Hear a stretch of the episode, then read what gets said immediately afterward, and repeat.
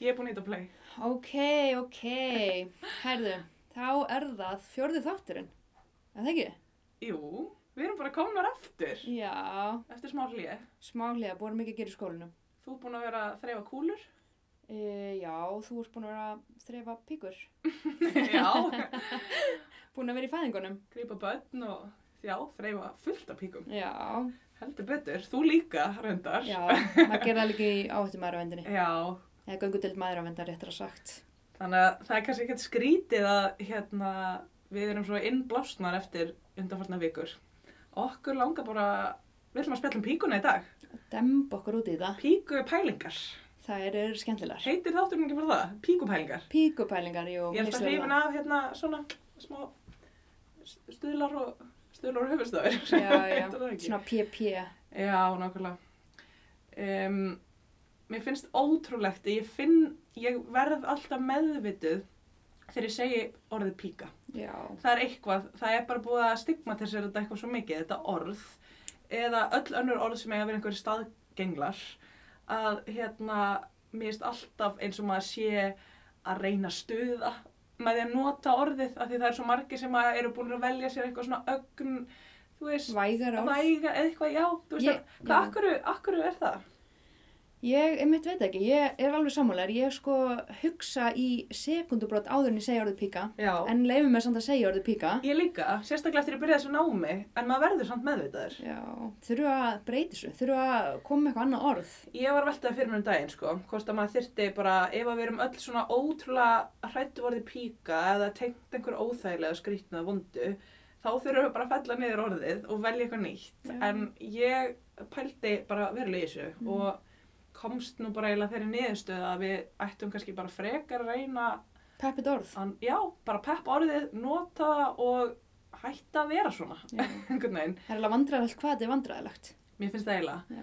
Mér finnst bara að hafa verið allt og mikil svona, ég veit ekki hvað, einhver svona tebruskapur eða þú veist, bara í kringum það að tala um, einmitt, kynfæri, allt sem tengist kynfræðslu, að það sé eitthvað vandræðilegt og óþægilegt og eitthvað svona, þú veist, að, ok, auðvitað er það kannski eðli sína því að þetta er einhvern veginn persónulegt og svona, en ef að maður allavega er í starfi þar sem að maður þarf að tala um þessa líkamsparta og nota þessi orð og svona, þá er nú bara eins gott að maður gerir það bara með sjálfströsti, Já, algjörlega, svo er líka bara 50% af mannkynnu með píkur. með píku og, Nei, já, jú, já. ég er svona sirka Þetta var svona fallbeigingar, hérna, Já, ég veit hvað, kvíði. maður segja píkur eða píka. fallbenga kvíðin Já. já, já. Leyfðu honum bara að koma En svo er ekkert málun að segja tippi. Ég er nefnilega að veita, það er svo fyndið, akkur er það svoleiðis? Þú Veist, og ég held að það byrja líka bara, frá, þú veist, ég meina krakkar er littar og leikskólar að læra hérna hvað allt heitir og þú veist bara strákarnir eru með tippi, það vita það allir, það er ekkert skrítið við það, það orð breytist ekkert þegar þeir verða bara karlmenn með tippi. Þeir halda áfram að vera með tippi. Þeir halda bara áfram með tippi en lí- lítið stelpa, hún er einhvern veginn ekki með píku, þú veist, hún er með pjöllu eða byttu eða þú veist, og maður hefur heyrt alls konar skrítin orð eða svona, ekkert endla skrítin, en svona Mm. einhverjar dullu útgáfur af píku, Mm þú veist, er það ekki? Jú, af hverju? Píkan er svo öflug. Píkan er gegn, Akkur, akkur að vilja draga eitthvað úr píkunum með því að segja pjalla? veit það ekki, Og eins og eitthvað pjalla, dúllulegt. af hverju er það eitthvað nickname, þú veist, eitthvað gælu, af hverju er það píkan gæluna? En þú veist, það er eins og við værum alltaf að segja bara eitthvað tilli eða eitthvað, ok, þú veist, það er enda alveg sem þau gert, bara í góðu gríni, en það er svona ekkert eitthvað svona, þú veist, ef ég væri hérna einhver kennari, þú veist, að ræða hérna, að spjalla og úlinga um, um kynfræðslu eða eitthvað, þá væri ég ekkert að fara að segja tilli, en ég var alveg vís með að segja pjalla, sko, ég var alveg heyrt bara ljósmaður segja bara pjalla, þú Mm. veist, og eitthvað svona, Það var bara ljósmærin nefn í dag sem segja pjalla í begnum okkar. já, algjörlega. Já, það er mött ég tók eftir. En já, nú er ég nefnilega farin að taka eftir því þegar einhver hérna, talar í kringum píkuna eða þú eru ekki að segja það sko. Að það er svona, og svo, svo finn ég líka að þeir sem að eru femnir við orðið að þeir kannski nota frekar einhver, einhver, hérna, einhver svona staði innan píkunar því að píkar er náttúrulega svolítið svona kannski orði yfir þú veist að segja það alltaf bara leggöng eða eitthvað svona skilur en þú veist auðvitað getum við talað um ákvæm þætti píkunar en ég heldur þurfum að fara að taka hann í sátt þessa elsku Jú, jú. þú veist, mér finnst píkan sko vera bara ef öll líffærin væri vinir eða þú veist, væri bara í einhverju samfélagi, þorps, þorpsbúar þá er píkan eitthvað einhilsbann, þú veist, hún er einhver hún er einhver lúser sem að býr bara einhvern túnni, í einhverjum kofa og öllum finnst hún ljót og eitthvað svona. Sko, samt er hún raunverulega eiginlega það magnaðast Já, þú veist, hún ætti að vera bæjastjórið. Já, Við kennum það bara. þetta er bara, þetta er bara circle of life dæmi. Já, 100%. Þú veist, ég meina, bara tippið og píkan ættu bara að sitja bara í flottistu höllunum, bara efst á, hérna, þú veist, bara á besta staði í bænum, skilur mig, án þeirra væri ekkert líf, eða þú veist, við værum, það væri engin fólksfjölgun og, þú veist, bara leið og allt stellið, þetta er bara svo voldugt í sjálf sér. Þetta er sko. það, Þetta er lífið. Ég, hérna, samt veldi fyrir mig hvort að tippið sé ekki ákveðin bæjarstjóri. Nei, ég bara Eð- segi svona. Hann er ekki bæjastjóri, hann er bara forseti, eða eða þú veist, ég veit ekki hvað. Svolítið. Það verður bara viðkennast. Já, já, En- Ein, einva- einræðisherra, nei, nei, En við reyndar ekkert hérna, þetta var ekki, já, þetta er, þetta var, þetta var bara grín. Komin hérna með pólitískan áraður. en sko, núna er píkan mjög gaggrind um, og það er mjög mikið press á píkunni. Já, Bara að líta vel út, já, ég meina, hvernig, hvernig viljum við að píkan líti út? fullkomin. Nei, Hva- tjók. Já, hver er hinn fullkona píka? Nákvæmlega, það er bara verður að segjast að eftir að hafa verið í svona þessum ljósmæra störfum Já. að maður hefur séð marga píkur Sko, sko hundruði, eða eða skilurðu, hefur við ímyndað þér, hvað við erum búin að sjá marga píkur á einu ári? bara svona 10 cm frá bara augn- botnanum mínum Sko, ef tíu, þú veist, stundum minna. Já, Já, sannlega. Og við, hérna, það er svo ótrúlega merkilegt þegar maður sér svona margar píkur í sínu starfi að hvað þær eru, þú veist, að ég, ég man alveg eftir þeirra að vera að fræða krakka um þetta eitthvað svona, já, að allir eru ólíkir og allt er jafn eðlilegt og allir eru leið, já, einmitt, skilur það er enginn að kaupa það.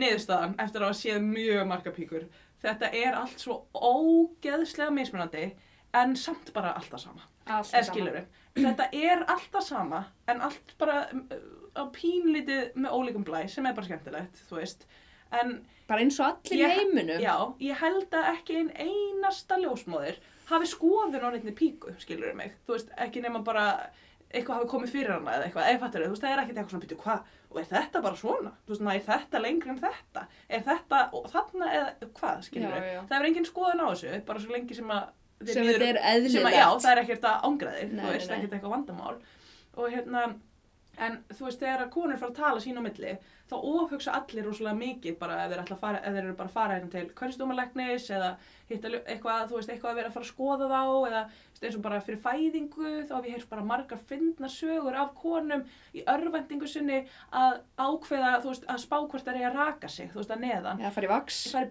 brallist vaks eru þarna kannski að leggja á bakinu sko, sem ég að líða út af bara því að það er mjög erfitt að leggja á bakinu þegar þú ert komin hérna nýmána leið að bara leggja það á sig þú veist af því að e, ljósmóðurinni gæti þótt eitthvað um að þú væri með skapahár eða, Mhm. eða, eða hvað mm. og þú veist að hérna fá maka sinni að vera eitthvað að græja þetta af því að þú nærð ekki og sérð ekki neitt og þú veist auðvitað er það bara óslega fyndið en sjálfu sér pínu þú veist við erum náttúrulega bara leikmenn í sjúkri veröld enn og ný Já, er, er þörf fyrir þetta, spyr maður sig sko.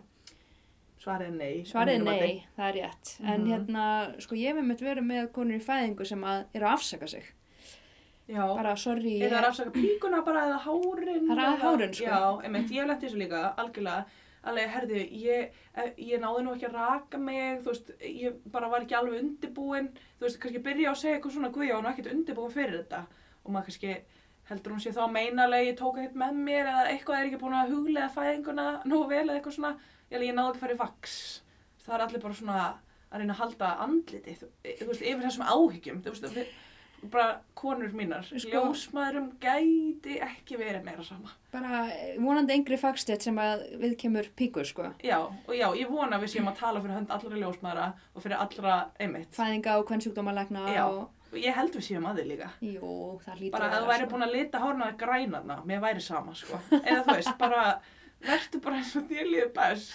Algjörlega, en, en sko þá er pæling, þú veist, finnst konum bara skítugt að vera með hár, eða hvað?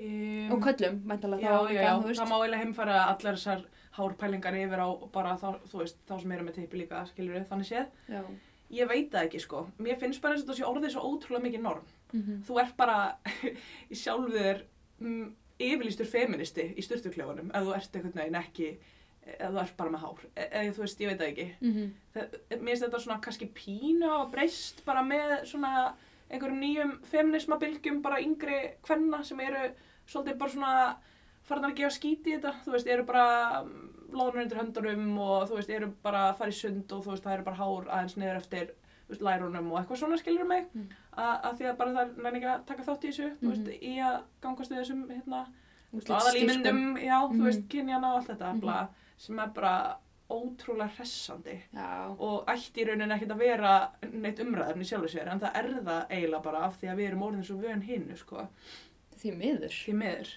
þannig að eh, þú veist, auðvitað myndum við bara vilja óska þess að þetta væri ekkert issue en einhvern veginn er þetta það Já, við ætlum eiginlega að Og- pínu að tekla Já, allt við ætlum svona. að tækla þetta Og allt saman. skömmina sem fylgir þessu svæði. Einmitt.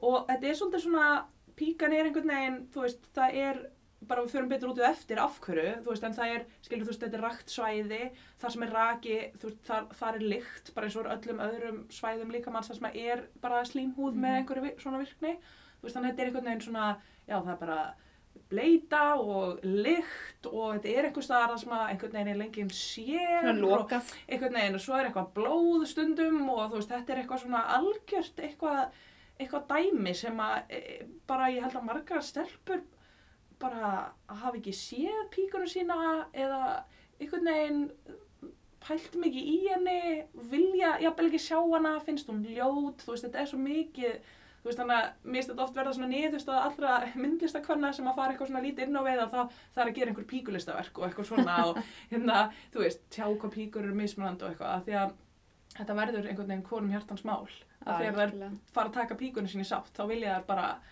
einhvern veginn málan á húsvæki, sko. Svo er líka eiginlega bara merkilegt hvað er líka vitað, ö- lítið um píkuna. Hún er bara lítið rannsökuð, Lítið rannsökuð Algjörlega. og líka lítið kynnt fyrir. algjörlega. Þú veist, eins og maður meldi fyrir sér í kynhelbreiðis áfengum eða anatómi bara hins vegar í mentaskólum. Þú veist, er, er eitthvað farið í þetta? Nei, það Svona er ekki. uppbyggingu og struktúr og hvernig allt virkar og af hverju og... Já, maður er líka að koma að staði bara með eins og í ljósmaðurfræðinu með brjóstagjöfina að þú veist svona hinn eiginlega líffærafræði brjósta hún var ekkert kortlöð fyrir bara á þessari öldi eða eitthvað sko þú veist, það er, þú veist svona í- fyrir, fyrir alvöru sko Mhm. er það ekki satt hjá mér? Jú, voru það ekki bara- eitthvað að tala um að bara þú veist það sem hefur verið kent hérna bara fyrir bara mjög stuttu síðan það væri í rauninni ekki bara það, það væri ekki marktækt í dag af því það er bara nýbúið að finna út úr einhverju Já. sem er pínu merkilegt af því þú veist brjóst hafa bara verið einsvæntalega í ára tugi, þú veist hefur bara heilu aldir sko. já, en hérna sko líka í manum mitt hérna, það kom einhver hérna, hlaupakona frá bandaríkjunum mm -hmm. og hún er ekkert svo gömul 60 ára eða eitthvað þannig og það var alltaf sagt við hana að hún mætti ekki hlaupa út af því að leiðin myndi detta út já, já, já, já þetta, hefur heilt um hana? Akkurat. nei, en Nei. ég hef heyrt um eitthvað svona Já, það er alls konar svona fullt af einhverju rugglmítum sem hafa bara fengið að lifa sko Algjörlega. bara mjög lengi og þetta er held ég bara eitthvað árið 1960 og eitthvað. fyrir utan líka bara svona þú veist, allt í sambandi við túr skilur bara hvað konur hafa verið útskoðar úr sínum samfélögum bara á meðan þar eru með blæðingar þú veist, sem er náttúrulega bara mánaðilegur viðburður þá þurfir þú eitthvað hérna meir ekki elda mat eða meir ekki, þú veist, bara vera meðal hérna fjölskylduna þennar að þurfir eitthvað að draga þig Nei, ég er bara undir einhverju pálmatrið skilur mig og eitthvað svona sko bara í Nepal þurfa konur að sofa úti Eh, já, bara og akkurat, þær hafa dáið akkurat við að sofa úti já, akkurat og, og bara þú veist Já, já, allt svona þú ert skítug á meðan já, og tór já, já, já, absolutt sko, og- skulum ræða það mm að þegar að kona fer á túr þá Já. er hún að reyna að skapa bestu aðstæður fyrir næsta egg Einmitt. Þú veist, við erum í raun að vera eina dýri þanniglega sem fer svona ört á túr Já, bara algjörlega. og við erum bara að reyna að skapa fullkomna þykka lagslímhúð Já, já, já. til að geta gripið næsta egg Bara hvernlíkaminn er gjörsamlega í viðbræðstöðu á öllu frjósumiskeiði konunar bara á 28 til 32 dagar fresti eða eitthvað. Þú veist, þá eru bara fullkominn kjörskilirði fyrir frjókun. Þú veist, og, og bara þú veist að, að, hérna, að þungunurinn er eigi sér stað. svona undir venjulegum Þú veist, kringstæðum Já, þannig séð, þú veist, leiðið er náttúrulega bjart sínasta típan, skilur mig. Þú veist, sumir væri alveg til í að þetta væri kannski, þú veist, það væri kannski einhverjir hverja þrjá dagsinningur á ári sem þú gæti bara svona siktað á en nei, leið er alltaf tilbúið bara, 12 sinum á ári, já, eða meira, já meira sko. 13. Að- bara það er tilbúið það er búið að preppa allt saman bara, já, plæja agurinn þannig að þú veist einmitt, túr er ógeðslega merkilegur í sjálf og sér, við náttúrulega fyrir kannski bara betur í það á eftir, en einmitt mér veist bara að þetta bera konur á blæðingum bara á einhverjum gulldínum einhver staðar, þú veist og þær ættu bara að fá að klappa kettlingum og þú veist ég veit það ekki Já, bara ekki vera svo undir hafa það næs, já, það eru bara ógeðslega merkilegar og líka, þú veist, einmitt bara uh, þjáningar hvernægjum tíðina bara fyrir það að vera konur og fara á, fara á túr eins og bara með bleikiskatt, bleikaskattin og allt þetta dæmi, þú veist, bara kostnaðin sem fylgir því að vera með píku út í það farið. Já, það er náttúrulega, sko, hallast mikið á konur, það verður að segja. Mm -hmm. Um, og bæði ef við tölum um bæði bleikaskattin og getnavarnir sem að tilherir ennur bleikaskattinum. Mhm. Algjörlega, þ- þrátt fyrir að, þú veist, ef þú ert að nýta getnavarnir þá ertu öllu líkindum í sambandi með karlmanni og hérna, eða þú veist, ef þú ert að nýta þér í þeim tilgangi að, að komið það fyrir getnað Þetta er hag Og- ykkar begja. Já, þú veist, það ætti náttúrulega að vera samileg ábyrgð, þannig séð hvað var þar bara uh, bæði allt umstang og, og vesen og reddir í en líka bara fjárháslegt. En, Algjörlega. en það hefur sínt sig að það er ekki, all, ekki alveg þannig, sko. Nei, bara ekki neitt. Nei, og líka, þú veist, það var einhvern tíman, ég satt eitthvað svona, eitthvað svona kynja, hérna, bleiku bláu bóksinn, eitthvað fyrirlestur, sem var útrúlega merkilegur og þá var akkurat verið að sína, þú veist, einhver svona rakvilar, bara svona sköfur, þú veist, eins og þú getur keift bara, gripa mér á kassanum í hagkaup og svona, þú veist, bara margari pakka, þú veist, eitt markasett fyrir kalla og hitt fyrir konur, en öruglega bara algjörlega sama dæmið, en þetta var eitthvað svona, Venus fyrir konur og eitthvað síðan eitthvað svona oh, strong eitthvað fyrir kalla og þ- svo bara alveg tölvöru verðmunur þú veist, ég held að allar konurna taki kvenn rakverðina þó að það sé ekkert með það skilur en bara merkilegt Þetta er mjög alls konar, merkilegt. alls konar svona drast sem týnist til Kanski verðum líka að nefna, þú veist, að láta píkuna lykta vel. Er það ekki já, eitthvað? guð mig góður, fyrir þannig það náttúrulega sko, að vera að skapa einhverjum svona dýrari vörur já til að láta píkunin lykta vel. ef ég einhvern tímann gæti kúast þá er það þegar ég lappa í svona maturverslun í gegnum hérna dömubindagangin þegar það er svona ilmvass dömubindi það er vestafíla, vesti fnygur sem ég veit um, bara búið að setja bara eitthvað blóma ilmvatn út í einhver dömubindi, bara af hverju getum við hætt og þú veist stundum, sums þar erlendis þá getur við bara ekki komist hjá þessu einu sinni, þetta er bara einu sem er í bóði sko, og hérna Líka blöytþurkur, já, bara þú veist lyktar blöytþurkur fyrir bara já, píkuna. skiptum bindi og hérna líktaðu eins og epli, bara með eplablöð þurrkunniðinni, hverjum einst sinn, þú veist, og þetta er alltaf bara, getur verið fyllt af einhverjum alls konar ilmefnum og dóti sem að bara hrærir í þinni, þinni flóru og þínu sýrustíi, þú veist, að- sem að getur bara leitt af sér alls konar vesen, sko. Já, kannski líka bara óþægindi andlega og- þátturinn. Já, fyrir Hvað er verið að, se- svo veist, hvað hvað er skilur að bóðum segja okkur, já, já. það er náttúrulega kannski ekkert skrítið að hérna, að einhver kynnsló sem að elst upp við það kannski að, að sjáu mitt eitthvað klám þú stundum þar sem að þú veist allir eru, enginn er með skapahár og þú veist, enga konur eru með innri skapabarma fyrir neðan þá ytri og allt þetta dæmi og ymmit og þú veist, þér, það er, ætla, það er eplabrauturka með dömubindinu sem þú byrjar að nota þegar þú byrjar á blæðingum, þú veist, auðvitað, endur við svona, eða þú veist, Þetta er ekkert skrítið. við erum ekki að, já, við erum bara, hér eru bara pælingar. Algjörlega. Já, en eigum við að, eigum við eitthvað svona, eigum við ekki að fara bara aðeins yfir, yfir hérna öll landamærin á píkunni? Jú, það líst mér vel á. Svona- Svona snögglega. Ef að rifi- rifja upp, Mhm. ef þú, ef þú hefðir eina myndu, Stefania, til að segja mér bara, hérna, bara, þú veist, ef ég væri hérna að spyrja þig, ok, þú veist, hvað er þarna, hvað er píkan, hvað eru, þú veist, kynfæri hvenna, hvað er þetta? Sko, þetta er náttúrulega heil margir þættir. Mhm. Ef við taka bara svona örkynningu. Ef að taka upptalningu og svo kafa dýbra. Já, gerum það. Það er mér líst vel á það. Byrja maður, byrja maður innan og súmar út eða eru við að súma inn eins og einhver svona góðri, góðri Kvikmynd. dýralífsmynd?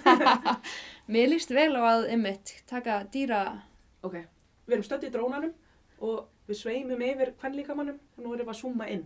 Er það ekki? Jú, Já. það fyrsta sem við sjáum er, það heitir sko munarhóll. Já, það er svo fallegt, Það það er heitir það. svolítið skemmtilegt. Mons púbis Mons púbis. á latinu. Maður sem munarhól og svo sem maður svona ytri barma. Já. Þetta er allt bara svona Bíddu. venjuleg húð. Munarhóllin, hvað er það? Munarhóllin er í raun og veru, Yfir lífbenninu. já, svona já. hóll, þetta Já. er bara, fyrir mörgum er þetta, Mjúki litli kottinn. já, sem er svona verman fyrir njaski. Já. Um, svo eru ytri barmar Emitt. og inn fyrir það eru innri barmarnir. Mm -hmm. Um, Skapabarmar. sem sagt. já, þetta Tvö er sett. tvö sett af skafabörmum. Ok. Um, við erum með snýp þar fyrir innan, Ok. svona kem, mjög spennandi sem kemur, að- hérna, kemur með það. Já, það þarf ég að halda fyrirlestur um hann. Það verður geggja sko. Elsku kallinn.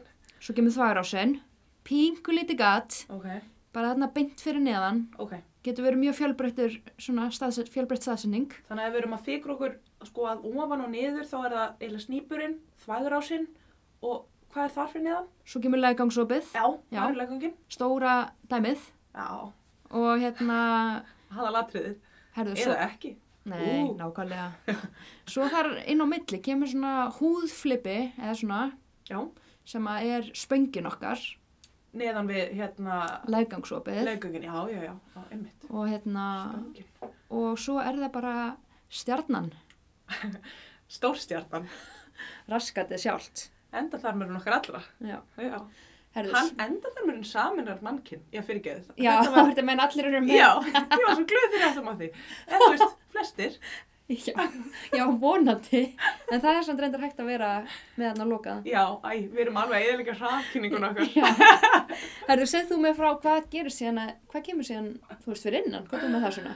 Ok, nú erum við sem sagt að við erum að fara að renna okkur inn í leggungin á drónunum okkar. Mhm. Já, um, eigum við að tala eitthvað um hýmen eða er það bara... Jú, Já. tölum um það.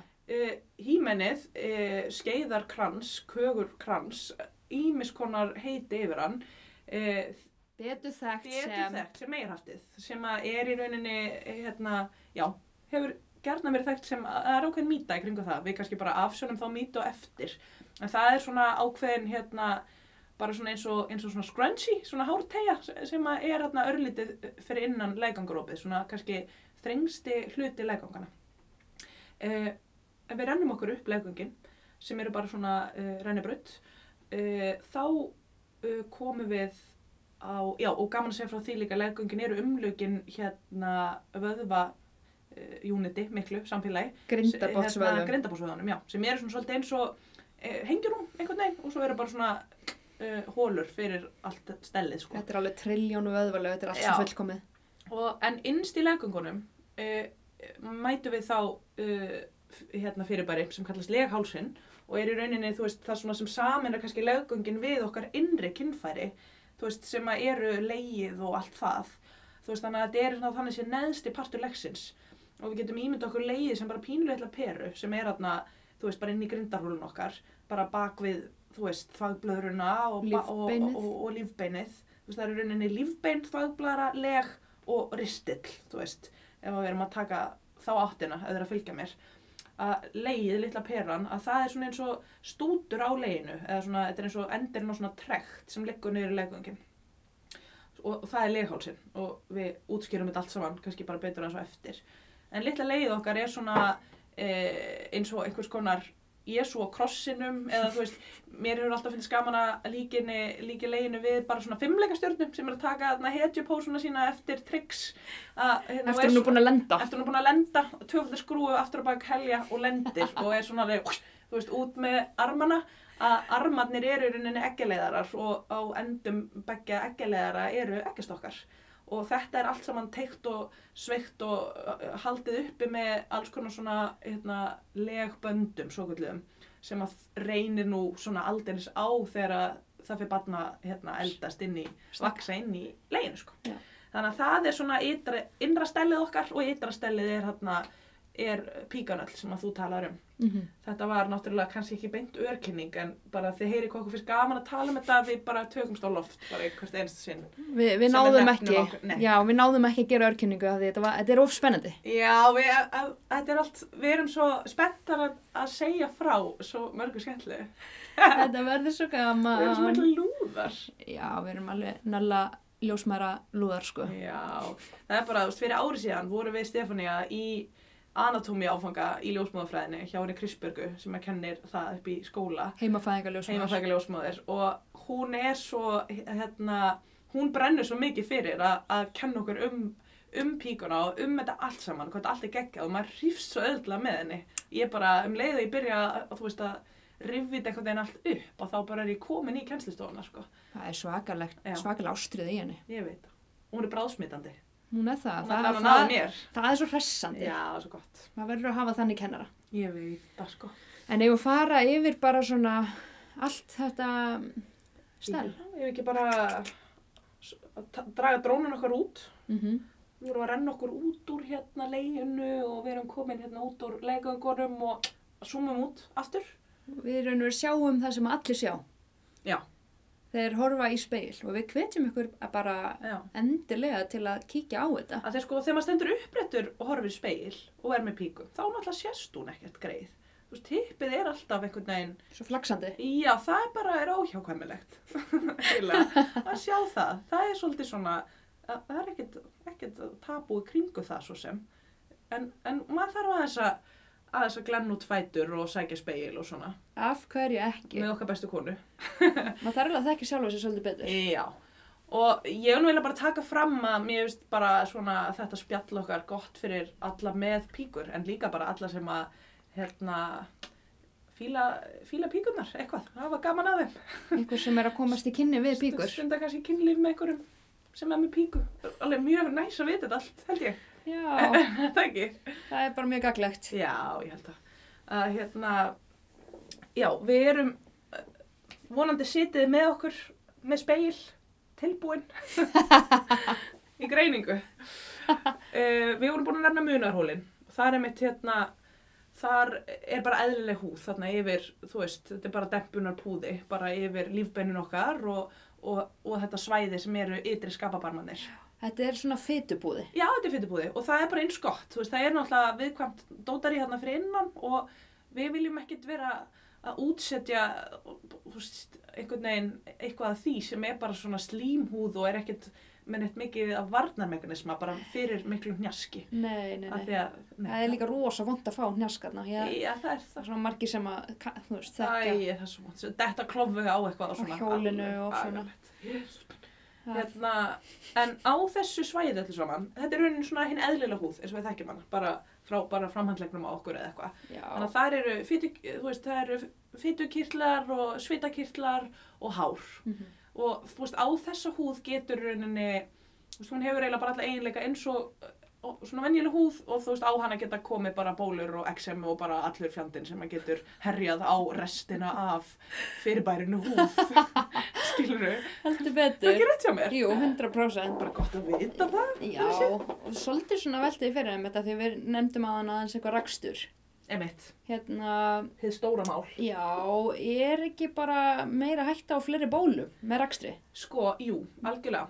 Þú veist, ég sjálfu sér aðna sjónameði með, hérna, þú veist, við erum bara einhverjir, þú veist, hérna, strengja brúður klámiðnaðarins að vera eitthvað að- að taka hár og eitthvað svona. Þú veist, ég verð að veikina, mér er eiginlega alveg sama hvað þið gerið, þú veist, ef ykkur langar ekki að vera með hár, takið þið bara, mér er alveg sama.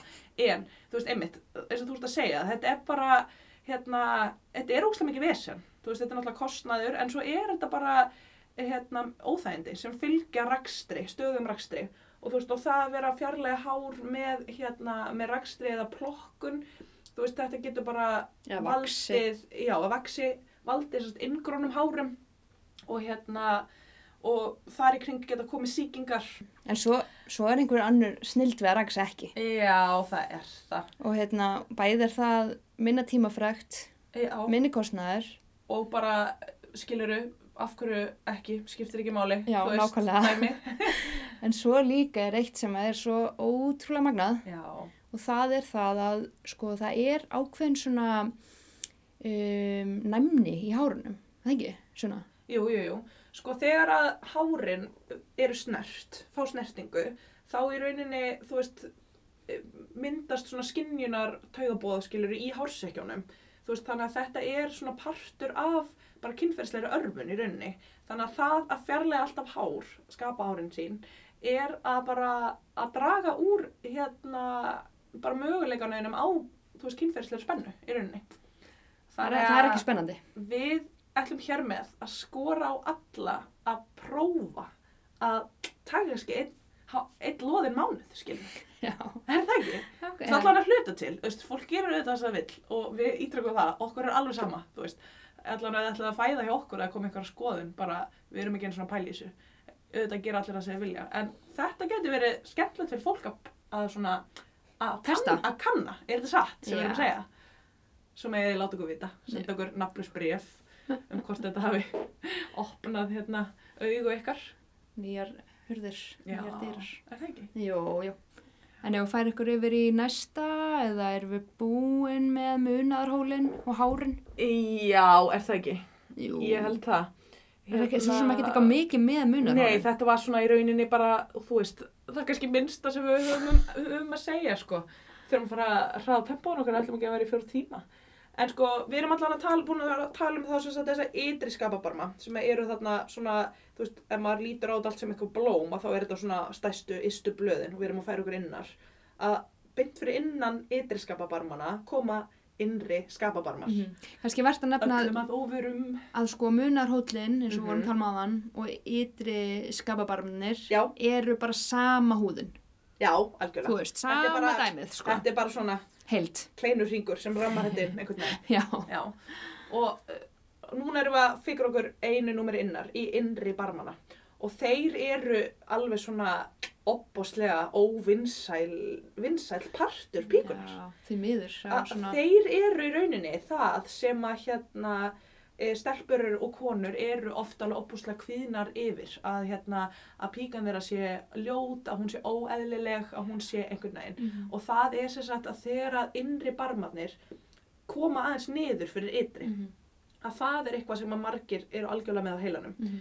við tökum alveg fram að það getur alveg verið óþægilegt, þú veist, innri barmarnir eru úr, það er slímhúð og þeir eru næmir, þannig að þú veist, ef að þeir eru alltaf eitthvað að flækjast fyrir þeir bara þeir eru út að hjóla eða eitthvað skilur að þú veist, þá er það eitthvað, eitthvað annar mál, eitthvað vandamál kannski, en Það er bara Eh, óþægindi, það já, bara ó- veldur óþægindi, einstaklingur mik mikil óþægindi. Já, en þetta, og þetta er bara rosalega meðsett að þú horfir bara á konu sem stendur upprétt að þá stundum sjást innri skapabarmannir, stundum sjást er ekki neitt og stundum, þú veist, sjást er ef þú skoðar neðar og eitthvað svona, þú veist, en yfirleitt koma þeirra einhverju leiti eitthvað aðeins neðar Mhm, en ytri. mhm. En það er eitthvað sem ég held að sé óbúslega komplex hjá rosa mörgum þarpum, sko. Já, þú veist, og af hverju er það? Þú veist, er Já. það klámið? E, Svo, svo já. horfum maður, þú veist, svo Mjög hef- líklega. náttúrulega bara þegar bönnur eru, eða stúlkur eru litlar, þá er einmitt þessi þáttur ekki, Þetta einhvern veginn, þá það sést þetta ekki, sko, bara vannþróskin í, í Já. kynfærunum.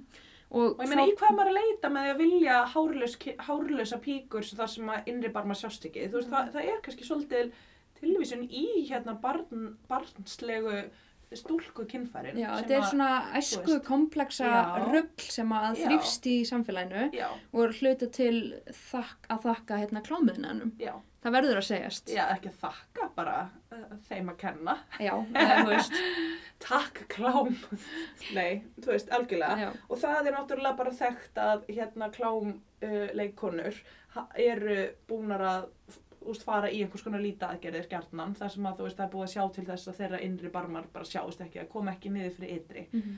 Og það, þetta er náttúrulega bara varða ákveðin sprengi þessu fyrir nokkrum árum sem sagt, í svona kosmetik hérna líta aðgerðum í rauninni á kynfæran hvenna. Það sem, að, það, það sem er gert í þeim aðgerðum yfirleitt er að það er verið að skera af innri skapabörmunum til þess að þeir komi minna niður fyrir ytri. Úf, ég er bara að gretta mig, sko. Já, ég hef séð hérna, ég hef séð svona brot úr heimildamind um akkurat þetta, þar sem að bara, bara einhverja á 17 ára stelpur voru farið svona aðgerðir og voru þú veist að vitni að þær hefði verið kallaðar eitthvað hérna bara hanging ham og eitthvað svona dæmi bara og þú veist og að það hefðu einhverjir strákar verið að nýðilega þær og að þú veist einhverjar vinkonu þeirra hefðu verið að gera grín og eitthvað svona dæmi og þú veist og þar var alveg bara píkan hennar sínd og eitthvað þetta var bara ótrúlega venjuleg píka bara þú veist maður ég hefði allavega ekki bara hugsað eina sekund að þarna væri eitthvað skrítið í gangi sko þetta var bara venjuleg píka, Píka. þær já. eru bara svona skilur Nákvæmlega. þú veist þannig að þetta er náttúrulega eitthvað sem að þú veist, ko- eins og Siggadögg, þú veist, hún fór í átakana fyrir nokkrum árum og fekk að taka myndir af bara 100 tippum, 100 píkum og þú veist, gerði svona, það er svona eins og mósæk sem er núna komið inn í kynfræslupakkana og svona, sem sjálfur sér bara ágætt af því að þá hérna getur Venst séð, fólk. já, Já. En svo heyrði ég líka í kjölfarið hérna eitthvað umræðar og svona, já, var ekki bara verið að reyna að finna en allt sem var eitthvað ógislega svona skrítið og ég, eitthvað, svo- ég var bara nei, þú veist, þetta er bara, svona er þetta bara. Þetta er flóran. Þetta er bara allt óslega ólíkt. Já. En þú veist, við, einmitt, maður er ekki að sjá skapabarmana á hundra konum. Þú veist, það er bara, þú sér það ekki. Já. Nema þú sért Ljósmóðir. ljósmóðir eða eitthvað. Sko, þetta er Píku nefnilega, áhugamestari. þessi innri skapar eru svolítið magnar því þetta er svo ótrúlega æðaríkt svæði Já. sko bara við kynferðislega örfun þá bara þyknar þessi Já. hluti rosa mikið þetta er slímhún alltaf Akkurat. og þú veist eins og til dæmis sem er mjög gaglegt líka bara í fæðingum Algjörlega. Bara svona vefur sem Þetta er getur teikt sig Mjög rosa tegjanlega mikið vefur og ákveðin svona, eins og í fæðingu ákveðin svona framlenging bara á, þú veist, leggungurum eða þannig. Þú veist, Mm. þetta er svo, hérna, þetta er svo margslungin vefur og líka til marg sem bara hvað hann er næmur, þessi vefur. Mhm. vefurinn sem að konur eru kannski að láta skera af sér út af einhverju útlýtsmarkmiðum, hann er þannig að eins og þegar maður er í saumaskap eftir fæðingu og að koma, geta komið reyfur í þessi, þessi svæði í innri barmana, það getur verið mjög erfitt að, að hérna, deyfa þá, af því að þeir eru svo næmir, já, sem að þú veit auðvitað undir akkur þeim kringustæðum er skiluru eitthvað vandamál sem að maður þarf að finna lausn við, en þú veist það getur sínt manni bara hvað það býr mikill kraftur akkurat í þessum pörtum innri skapabarmanum Þannig að sko. fólk ætti bara að fara að elska þá. Mhm. en ekki, ekki sko nóg með það að þeir eru svona æðaríkir þá er Mhm. nefnilega líka fullt af kyrtlum aðna Akkurat. og það er einn annar kirtil sem heitir Bartolini Já, um, eila tveir, síkur megin. síkur megin, þetta Já. er allt Þetta hérna er allt- þetta speglað er speikla, Já. speilmynd, já. bara eins og allir líkamann okkar sko Já, það sé. um, er ekki rétt hjá mér að Já. það kemur þarna út svona vögvið að hvað er það Jú. frá einhverjum öðrum Sko, kirtlum Bartolínikirtlanir eru aðna síkur megin rétt neðan við leggangarópið og hérna, jú, þeir seita, þegar þú veist, skjóta vögva þar út, sko, geta smurt bara leggangarópið í Mhm. Já. rauninni og svona og geta líka, þú veist, það eru kannski konur sem tengja við að hafa lent í einhverjum vandræðum með þessa kirtla, þeir geta bólnað og þú veist, getur þreifast úr að bara kúla þarna, getur orðið mjög umt og stíplast og eitthvað svona dæmi, en eru nú yfirleitt bara til friðs. já. þannig að það eitt og sér er líka svo magnað sko Já. að, að sé einhver svona smörningar Algjörlega. kirtlaratna sem að bara hjálpa manni aðeins að blotna fyrir Algjörlega. margt og mögulegt Akkurat. Og líka annað sem ég mér langa að segja um þessa barma, þú veist að við erum alltaf með tvo, tvö sett af svona, þú veist, þetta eru svona, þú veist, eins og með svona blöðku áhrif eða þannig, að, þú veist, það er svo ótrúlega praktísk hönnun í sjálfu sér, af því að svo erum við með þvægrásina og fleira þarna fyrir innan sem eru bara svona gjörsanlega berskjaldað svæði sem að svona op E- er fyrir viðkvæmt bara fyrir sýkingar sýkingum Já. og öðru þannig að þú veist, við erum þarna með bara tvö sett af svona af hlerum eða blöðkum og hár þar fyrir utan þegar þú veist, það er getur líka verið ákveðin bara þú veist, hár eru líka ákveðin vörn bara þú- í sjálfu sér, bara fyrir húðina og svona þannig að þetta er allt ótrúlega Mhm. fullkomleg fullkomin sköpum Mhm. í sjálfu sér Já, hár eru náttúrulega bara, úst, eins og til dæmis nefhárun okkar eru bara hönnu til að grípa síkla já, já, til að koma í vekk fyrir að fara hann í lungun. já, Þú veist, ef akkurat út í það er farið til átt að sjá því hvað já, þetta er í raun og vera allt hanna til að verja okkur fyrir Já. sýkingum. þannig að ef að við gengjum með þvægrásun okkar, ég hef stutt og hún nú er, bara þarna lafandi lausa einhver staðar, bara eins og ef ég væri með þvægrásuna mína bara hérna á framhandlegnum eða eitthvað svona, þess að þá myndum við ekki gera annað en að vera í einhverjum blöðrubólgum með fölum sko, mm Mhm. þannig að það er bara eins gott að við séum þarna með, með uh, uh, allt þetta, með þessi krónublöð, eða þú veist, bara þetta- þessi blóma áhrif, að þú veist, það sé eitthvað þarna. Svona lög af lögum. Já, lögum, lögum, þetta er lagkaka. Eða lagkaka. Nei. Ah. Íririri. Æ, æ, æ. Þetta var lélubrandari. Þú getur betur. Ég get betur, sko. En byttu, við skulum nú færa okkur yfir í eitthvað annað, það ekki? Jú, heldur betur. Um, sko, er það ekki bara stóra málið? Jú, okkar besti maður, Það er snýbur. það er snýpurinn. Klí, eh, klítoris, klítorítis. Já, um, við sko, vitum nú ekki hvað þið vitið, Nei, en eitt er það en við viljum að þið viti það sem við vitum. að snýpurinn er miklu stærri en margir halda. Sko, snýpurinn er bara einhver lítil rúsína þarna undir einhverju hættu. Þú veist, það er svona það sem að margir vita. Hann er efstur þarna, þú veist, hann er fyrir ofan þvæðra sinna, hann er í rauninni, þú veist, ef maður horfi bara á píkuna, þú veist, að þá er, er hann þarna ofarlega. Eh, nema hvað, það er bara toppurinn í ísjakanum. Og það er það sem ekkert allir vita. Nei, ég held sko, hvað sérst ekki, bara svona 10%? 10%? Já, þú veist, ef það sko, Mm. hann er sem sagt, hann, hann, hann liggur síðan svona inn á við, þú veist, inn í kærna líkamanns í rauninni og er sko, þú veist, hann liggur undir skapabörmum, beggja vegna og er með svona eins og tvo fætur sem eru sko hvað 7-8 cm hvor sem liggur þarna niður, þú veist, meðfram ég er eitthvað að búa mikið að Sköpu. leika þetta fyrir þig já, meðfram sko s- bara niður að þú veist leggungum og þar alls þar í Já, rauninni já. sko og líka er ákveðin massi þú veist ef maður hugsa þetta í þrývitt bara svona þú veist upp að leggungunum innanfrá í rauninni Mhm. þú veist þetta er bara risa fyrirbæri eða vefur sem er snýpurinn mm Mhm. sjálf sér sko hann er bara náttúrulega risa sko með rosa mikið að taugum já, viltu útskýra þess fyrir mér úr, úr hvernig vefan er og hvernig það virkar veitu úr hvernig vef hann er, er Eða hann ekki sem bara sagt- taugavegur Jú, Vefur? eða, þú veist, ha- hann er úr einhverju svona þú veist,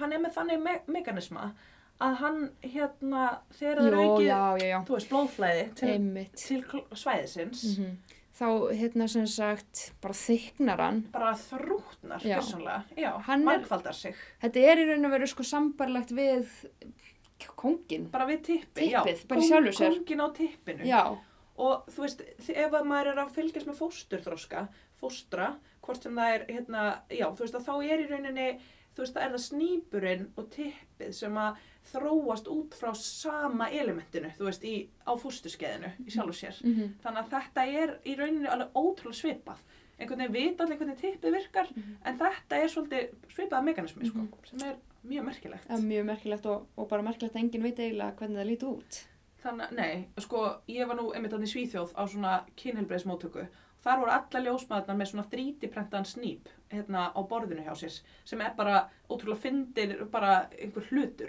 til að fykta bara með skilur og vera að pæla bara hvað er þetta og þú veist, þær bara rétta öllum sem koma bara rétta fólki hlutin og eru bara, veistu hvað þetta er? Pælda hans í því, svo eftir smálega, herði þetta er snýpurinn, þú veist, og Já. fólk er alltaf bara alveg í sjokki og ég mitt tók myndaði og setti Instagram story á mér þegar ég var að núti og það voru einhverja örfáræður sem vissu hvað þetta var sko, eiginlega allar bara bekkisistu mínar og eitthvað svona hvað var fólk að segja? hvað var fólk að giska á? Eh, Bakklóra og hver flösku opnari og eitthvað hitt og þetta sko Æ. eh, þannig að gestaþraut, já, þetta er alltaf ákveðin gestaþraut kannski en þetta er sko fárla taugaríkt svæði mm miklu taugaríkara enn í raun og veru kongurinn Já, þetta er 50 sinnum næmara mm held ég og það eru sko svona þrýsti og tógnemar þannig að Já, við raun að vera örfast þessi taugavefur við þrýsti, Mhm. þrýsting og Já. hérna það þarf að passa sig sko, maður má ekki þrýsta of fast þá, þá verður svona sem sagt, það verður svona ding ding ding ding ding ding ding ding svo hættir að, þú veist, þá verður þetta bara vond Já, þú getur svona þannig sem mettað hérna, uh, þú veist, skilabóðin, Mhm. örfuna skilabóðin. til heilans þannig að þú getur eiginlega mjúta snýpin. Já. Þannig að þú veist, hann er ekki dyrabjalla. Eða, þú veist, það er, ef, þið lá, ef þú ætlar að örfa snýpin, þá, getur, ekki- þá er það ekki bara því meira því betra. Mhm. Það þarf svolítið að nálgast hann af kunst, já, já, af ma- list. bara, þú veist, það verður þess vegna hægt að blása snípuna hann eins og tauganæmur að, að myndi finna það, það ekki Já, jú, hann, ég held að hann myndi alveg, alveg svona vakna, vakna með það, er það ekki? jú, Ég held það og sko, já, svona í gegnum hann þá fáum við, hvað maður segja helstu fullnæðingarnar já. fara í gegnum hann og það er ótrúlega merkilegt í, í, í því ljósi því svo þetta segja hérna bara að hann var bara uppgötaður einhvern tíman það er ekkert rosalega langt síðan snýpurum var kortlaður og uppgötaður og þú veist það má alveg, alveg kannski aðeins pæli í bara hvað móðir náttúra er grimm við konur að í rauninni getur maður orðið óléttur og eignar spann, þú veist, allt það þjóna þeim tilgangi sínum án þess hreinlega bara að vita Hvað fullnæging snýpnum- er. Já, í sjálfu sér. mm En það er svolítið annað með karlmenn. Að, þú veist, það er einhvern veginn, þeir eru svolítið háðir þessari fullnægingu til þess að fá sáðlá til að sprauta sínu erðaefni eitthvert svo það getur orðið badn. Já. En það er ekki, þú veist, það er ekki tilfellið með konur Nei. sem að er alveg ótrúlega ósengart sjálfsér. Það er svolítið leðilegt sko. Já. En reyndar, þá hjálpar fullnæðing sko, ef maður er að reyna ekki spatt. Það Já. Já, hjálpar já, fullnæðing. já, já. Sko, út frá því að, að fá fullnæðingu, þá Það er bara, bara óstofnum flæði og annað. já, þá bara, s- þú veist, koma svona, hefur þess að hormón frá heilanum Já. og bara, þau bara þjótum allan líkamann, svona velina hormón, oxytocin sem Mhm. við tölum gjarnan um, Ástarhormónið. ástarhormónu mikla og það hjálpar sko sæðuna að synda betur í áttina að ekkilegunum. Pælt í þessu. Þannig að við hvetjum konur til að, þú veist, svona, kunna á sjálfa sig og það er alltaf gott, já, algjörlega. þú veist. Það er það. En maður, Eh, en maður er í ekki- þessum pæningum. ekkert sko. bara, en eða ekkert ekki bara- bara, nei. og það er einmitt, þú veist, þetta er eitthvað sem ætti að tala svolítið betur um held ég í, í allri kynfræðslu að hérna kynna þennan bara struktúr betur og að hérna að svona konur einmitt læra sjálfa sig Já, og hvernig, hvernig er best að örfa sjálfa sig og mér finnst það með svolítið áhugavert bara svona, mér finnst það kóruna pínlítið hvað í rauninni snýpurinn er stórt svæði þó að hann sé hérna undir yfirborðinu að ég var að lesa um það að sem sagt, það er því miður náttúrulega alveg ótrúlega fjöldi hverna í heiminum sem verður fyrir svona þú veist, umskurði eða þú veist, bara hvað er þetta að kalla, kynfæra limlistingar þú veist það í rauninni er ekkert annað orði yfir það þar sem að snýpurinn er skorin burt og þá er það í rauninni þarna þessi rúsínan, þú veist, sem Já, að maður sér Framan á. að framan á, þú veist, Undir topp, hettunni. toppurinn af ísjakanum, hann skorinn og jafnvel eitthvað meira af píkunum hún sögum saman sem er náttúrulega bara skelfilegur verknaður og þú veist, ég held að upp, upp, upprunalega sé það til þess að, að reyna að minka líkur konunar á bara einhverjum unaði í kynlífi og eitthvað svona, er það ekki? Jú, bara lífsgleði Já. og En lífsgæðum. það var einhver kona, einhver svona baráttu kona sem að s- varð sjálf fyrir svona kynfæri limlistingu þegar hún var stúlka og eitthvað þannig og er núna búin að vera eitthvað að, hérna, í einhver svona kvennréttinda baráttu og hún, hún segir að þessu sé svo mikilvægt fyrir hérna uh, alla, þennan bara risastóra hóp hvernig heiminum sem að bara þetta er þeirra veruleiki að, að fræða þær um að þær eru í rauninni ennþá með ótrúlega mikið af snýp eftir Mhm. þú veist að það eru góðu fréttinar þú veist í þessari hörmung Mhm. að, hérna, að konur mm, hérna, sem að hafa orðið fyrir, fyrir umskurði, kynfæra limlistingum, þær getur fengið fullnægingu samt. Að þær þurfu bara að læra að örfa réttu svæðin og eitthvað svona, bara ótrúlega áhugavert. Já, algjörlega. Og mikilvægt að, sérstaklega í löndum þar sem þetta er algengt, að þar sé þetta partur af fræðslu og svona. Mhm. Sko, ég veit ekki með þeir, en en hvað hva heldur þú að það séu marga konur sem fá fullnæðingu? Bara svona almennt í kynlifinu sinu? Ég gerir mér ekki grein fyrir því, sko. Hvað heldur þú? Ég held að séu sorglega fáar. Já, ég held að Þú veist, ég held að einhvern veginn að þetta þurfa að fjalla betur um þetta.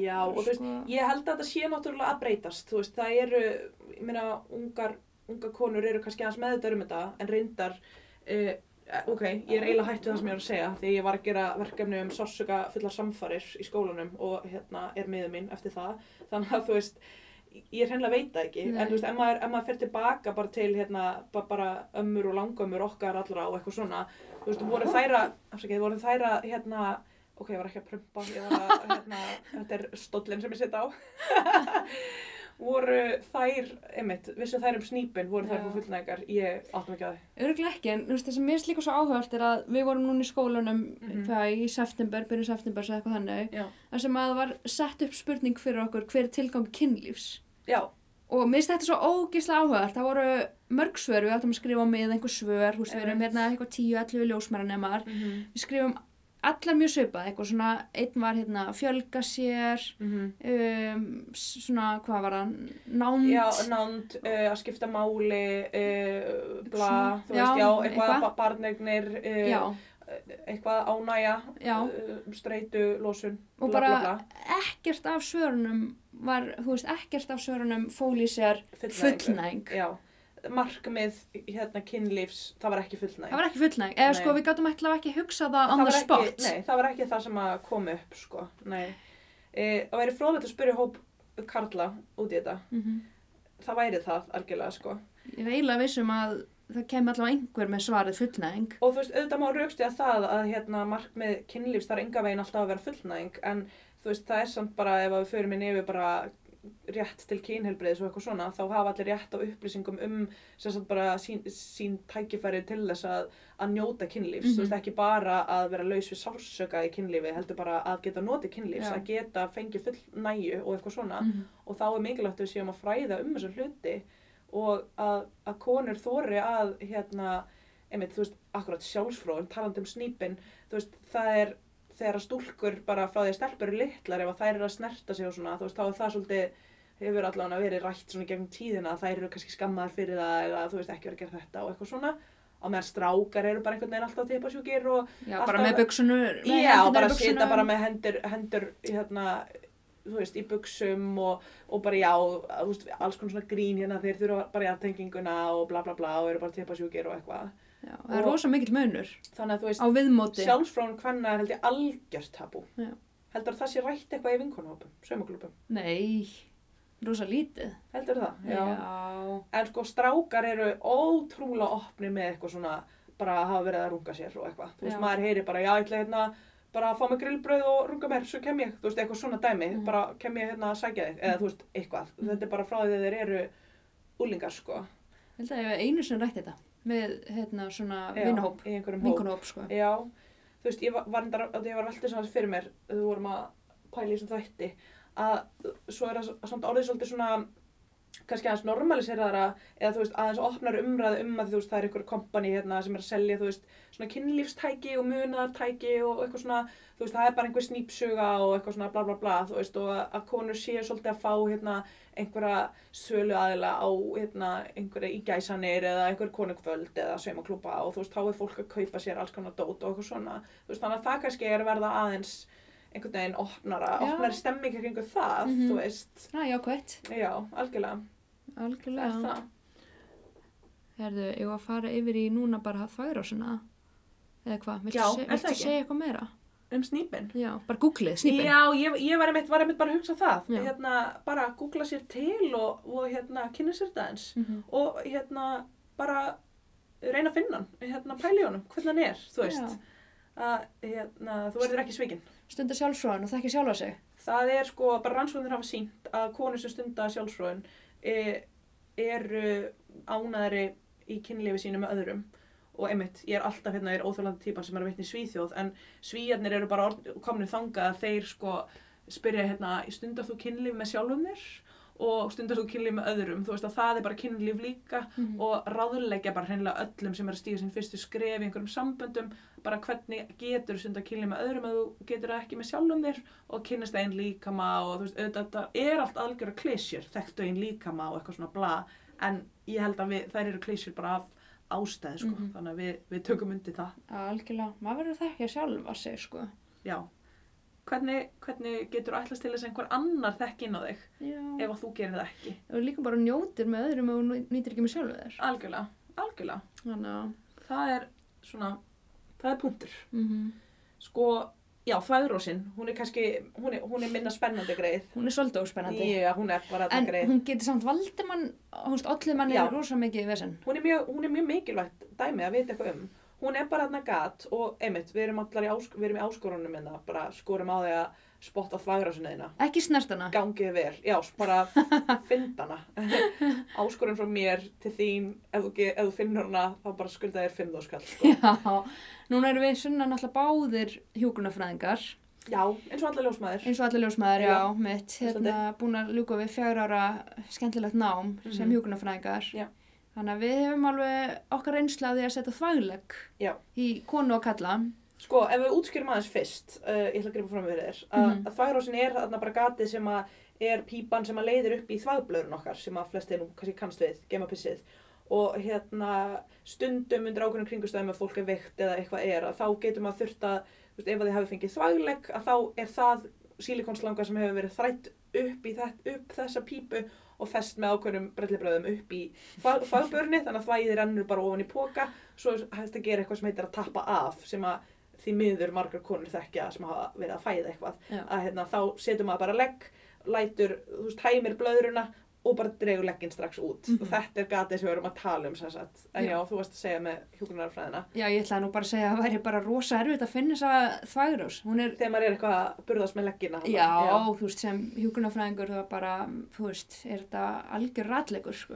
ég var nú að vinna á bráðamótíkunni og e, stundum koma í mig skemmtilegt fyrst á anatómíuna þarna niðri með, með hækkandi, hækkandi aldri það verður bara að segjast og hérna algjör svona klassíker þegar maður vinnur á bráðadelt er því miður að þurfa að hérna að þú veist, setja þvagleik í eldri konur ef að kannski hérna, þær þurfa að þú veist, voru að mjálmabrotna eða að fara í aðgerð eða eitthvað svona og það er held ég einhver mesta áskorun sem, sagt, þú veist, fyrir starfs og hjúgrunafræðinga.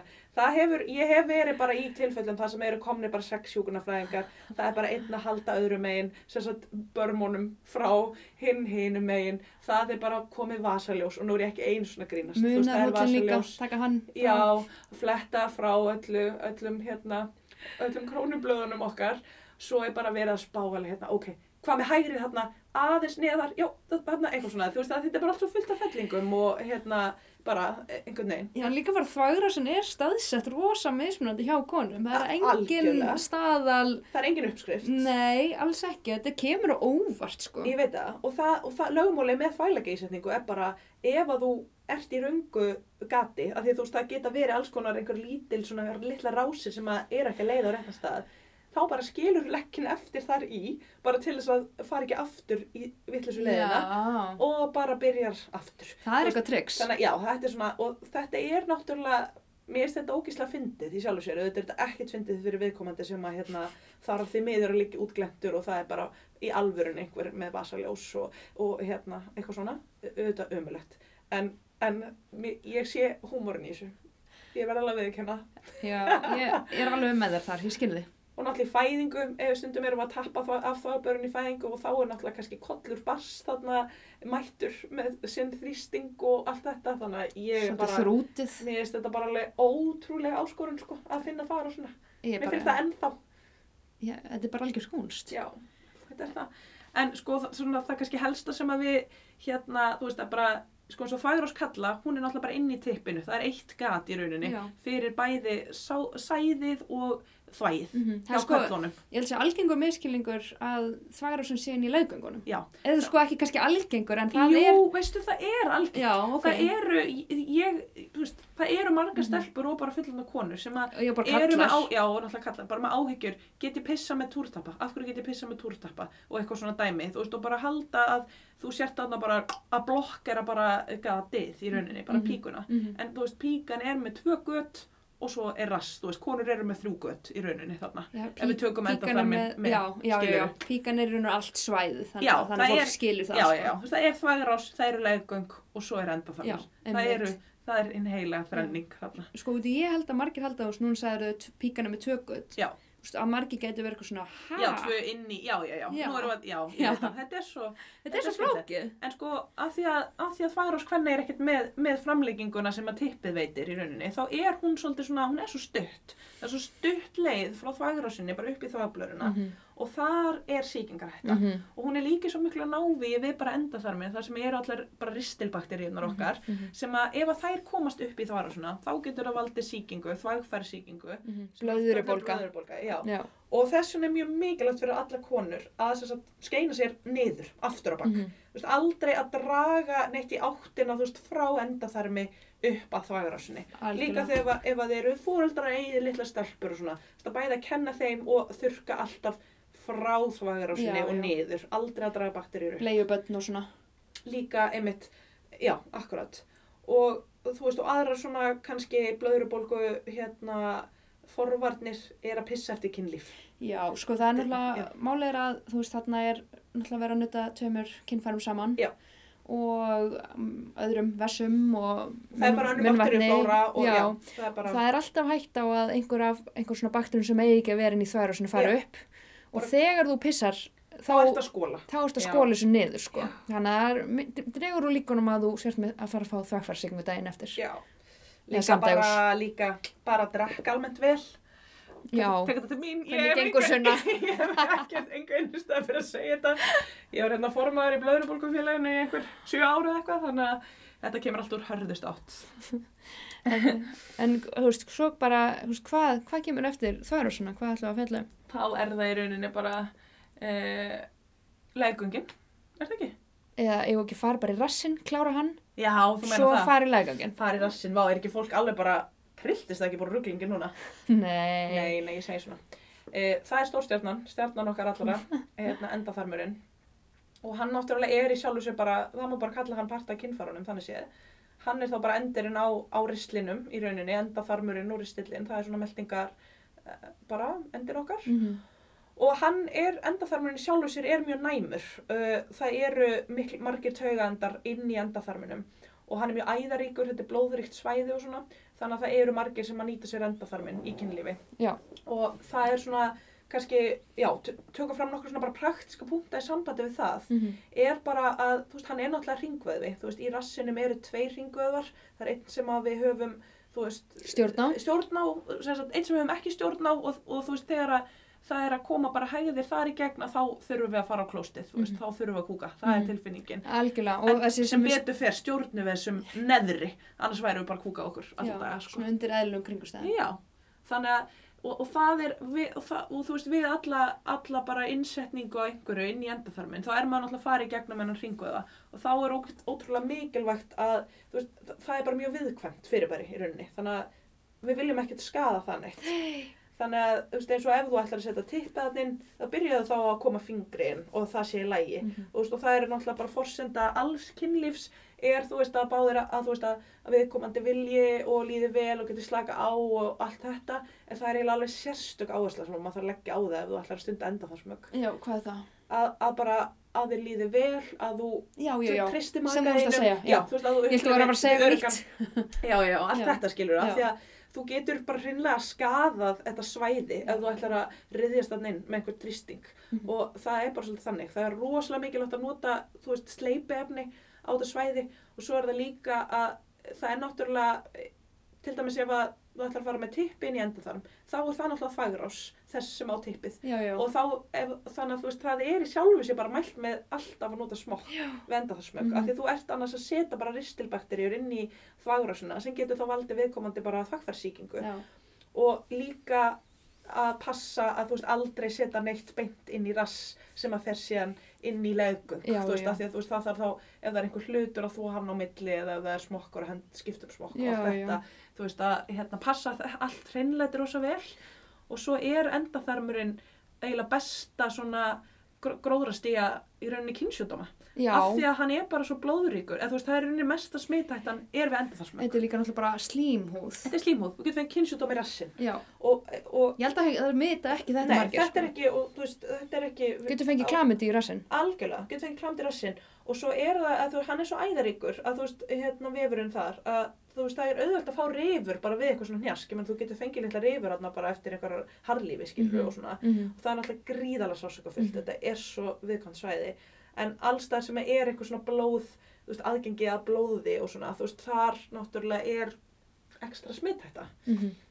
Þetta er, þannig að þetta er, þetta er að, áhugavert, sko. að það er svona ef að við ætlið ykkur að stunda enda þar smög að þá er gott að vera svona aðeins undirbúin þú veist að, að vita svolítið hvað maður er að gera Mm -hmm. þetta að hérna svo öllum líði vel og séu öryggir Það er svona stutt á milli, hvað maður að segja, sásöka og unnaðs, Já, kannski. í sjálfu þarna. Já, það er það þannig að hérna já, gott að vera aðeins með þetta á hreinu líka eitt í sambandi við hérna þetta er alltaf svona mesta neglan þegar maður er að tala um úlinga í rauninni og er að hérna þau eru eitthvað að spá í endaþarsmögg að hérna að í endaþarminum er sóg einfallega það er smá svona sóg effektar þannig að ef þú ætlar að setja eitthvað þar inn sem er hlutur þá þarf að vera stoppari á honum þú veist það er- þarf að Já. vera eitthvað svona eitthvað stórt á endanum sem að getur ekki farið inn mm af því annars getur þú týndi og ég hef vunnið á bráðamóttöku og það er fólk að týna alls konar dótari upp í rassinum á sér af því það bara missir, þú veist, allt í einu er það bara búið að missa af og það er komið missa tökin á hlutnum. já, það er komið eitthvert úr seilingafjarlæg og það er eitthvað sem að ég held að sé ekki neitt óbúslega skemmtilegt að, Nei. að díla við Þetta er alveg ótrúlegt. Já, þetta er það- svakaleg staðrönd. Ég held að í svona öllum bráðamótökupartíum um, um allan heim þá er starfsfólki að deila svona því skrýtnasta sem að fólk hefur komið með fast hann upp í og eitthvað svona, Já. þú veist að hérna, Sko bara engin skömmi því að Nefnum setja sögum. eitthvað upp. Nei, nei, nei, Sko. en En bara- bara, að, pa að passa þetta. já, passið að það sé stopparið þarna. Já. Ah. Þetta er þetta. Það er kannski, já. Ekki nema þú vilja vera tekin fyrir í, í partí á Sleiso. Nei, djók, það er allir fagmenn og e, bundið trúnaði að sjálfsög, e, þannig að ef þú því miður lendir í þessu þá er bara fagmennska sko, ég er ekki að segja það, en Nei, þetta er e, eitthvað sem að væri gott að komast hjá. Já, já. En svo er eitt sem er líka svolítið áhugavert varandi, sko, ef við tölum út um svona klámaftur Já, og tölum um hérna bara endaþarminn. já, þá eh, þekkist það við það í klámiðnanum Já. og bara almennt í heiminum að sko þetta hljóma mjög skringila en að sko, hvernig segir maður þetta, klóra rassin, klór, Bleach. já, bleach. Já, einmitt. Hérna, Hvað er það? já, klór er sem sagt, Ertu, ertu bara afleit á því raskatið? já, þá er verið aflita á sér raskati um, Af fyrir, þáttum. fyrir útlit, Já, af því þetta er svona klámið, einmitt. það, það presentera raskati þannig, Já, með svona hvítt raskat einhvern veginn. já. Ég, ég veit ekki pælingarnar á einmitt. bakvað, Þetta er náttúrulega lífsnauðsilegt Mhm. að vera með hvitt raskat. já, og Já, bara svona, og nokkri artista búin að vitna í þetta, sko, já, já, já. Kanye algjörlega. West, Já, já, þetta er bara, ég meina maður heyrir mikið af Já. þessu, bara í rappdagstum og öðru, sko. þannig að ég veit ekki alveg, ég veit ekki hvort sé einhver menning fyrir þessu á Íslandi, ég, Ég þekki það ekki, sko. ég, ég vona ekki. Nei, leggjumst á bæn. Já, En einmitt, þú, eins og þú nefnir klám, að þú veist, endafarsmögur er mjög svona normaliserið í klámi og að, hérna, að það er bara að vera svona alveg sjálfsagt að, að hleypa einhverjum þarna en bara ítrekum það enn og eftir þetta verður algjörlega að vera út frá þínum, ein- þínum eigin fórsöndum En kannski- og hérna, gert í miklum svona undir góðum kringustæðum. og kannski allir lægi að nefna gillinæð. Já, Bara, þú veist, það getur komið Einmitt. í kjölfar enda þannig smaka ef að þetta er ekki nógu svona undirbúið allt saman.